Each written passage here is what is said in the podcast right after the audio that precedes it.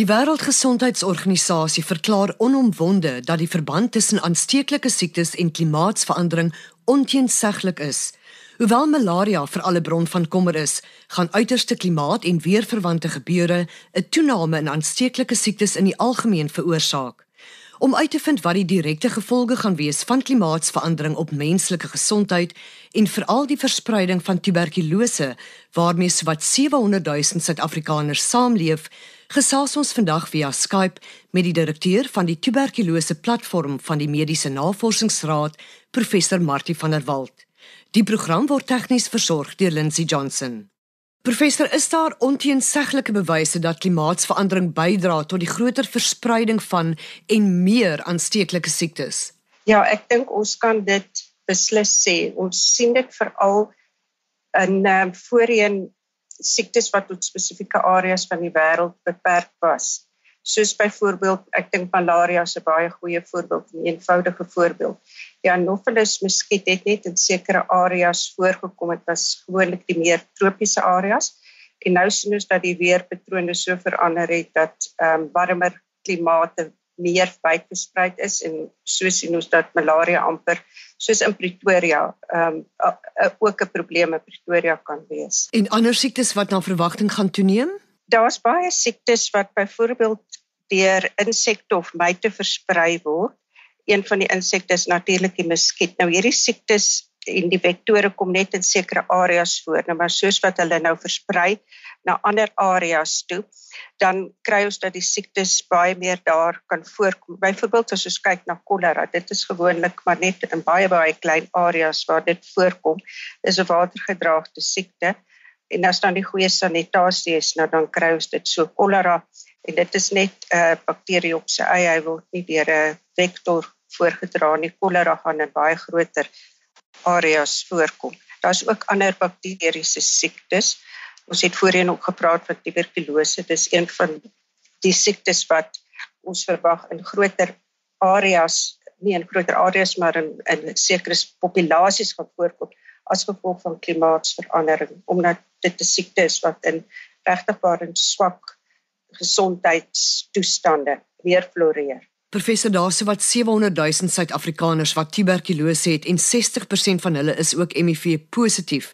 Julle het onlangs, wel dit was in Julie 2018, 'n opname, 'n TB voorkomsopname in Suid-Afrika gedoen en u was die mede-hoofondersoekbeampte. Wat is die jongste gegevens ten opsigte van die voorkoms van die siekte?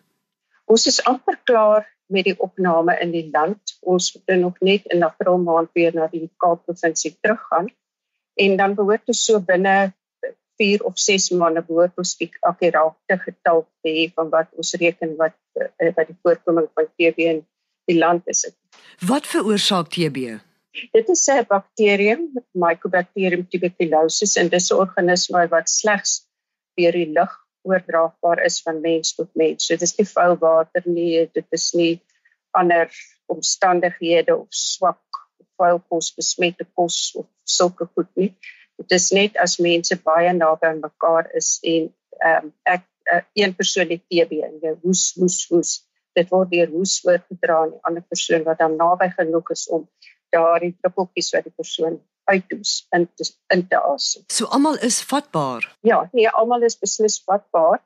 Ons sê altyd mense wat met immuunonderdrukte siektes lewe, byvoorbeeld soos HIV viks, maar daar is ook ander baie ander mense wat immuunonderdrukkers drink ehm um, byvoorbeeld mense wat oorgang status, mense wat diabetes is, hoë bloeddruk, ehm um, oorgewig, ouderdom is ook ehm um, 'n risiko rook, ehm um, swak voeding want die, die liggaam se immuunstelsel moet, moet lekker goed en gesond wees. So enige faktor wat die liggaam se immuunstelsel aanval. En professor, wat is die simptome?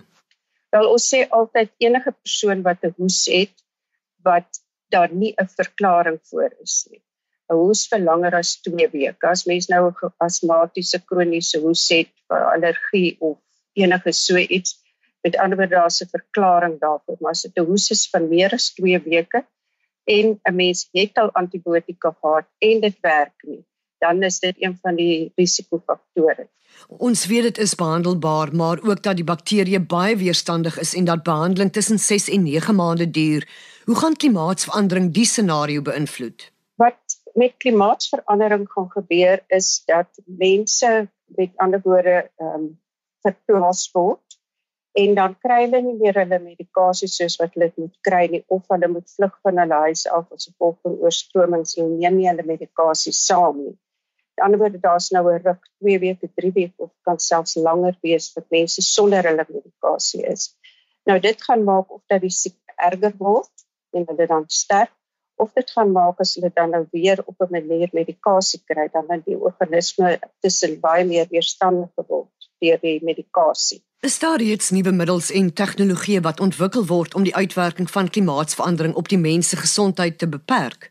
Ja, ek dink daar is baie baie tegnologie as mens nou byvoorbeeld kyk na wat hulle sê die early warning systems.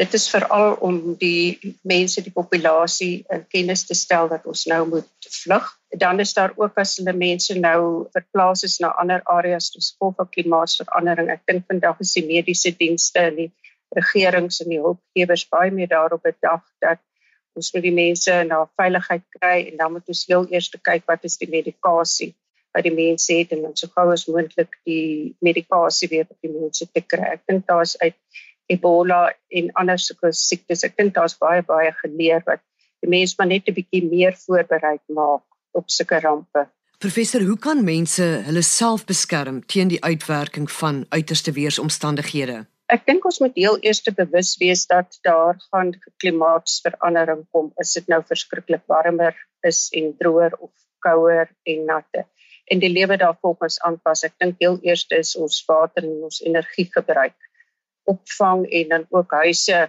so te probeer bou dat dit meer koeler binne is. Net 'n bietjie meer selfonderhoudend wees, maar uh, eintlik ook baie meer vir jou bure en omgewing omgee sodat as daar 'n ramp is dat almal na mekaar kan kyk. Soos professor van der Walt vandag bekragtig het, sal ons almal meer bewus moet word van die risiko's vir ons gesondheid, soos klimaatsverandering vererger en ons gedrag en gewoontes na gelang aanpas. Tegnologie kan vir ons tyd koop, maar daar kan nie weggekom word van die natuur se sogenaamde bottom line rekeningkunde nie. Professor van der Walt en die WGO is dit dan ook eens. Die optimale oplossing lê by regerings, die samelewing en individue en vereis gedragsveranderings, nuwe tegnologieë asook praktyke om die skuif na volhoubaarheid te maak. Die program word ondersteun deur die Wes-Kaapse Departement van Landbou. Ons groet tot volgende week. Onthou die aarde is kosbaar. Kom ons bewaar dit.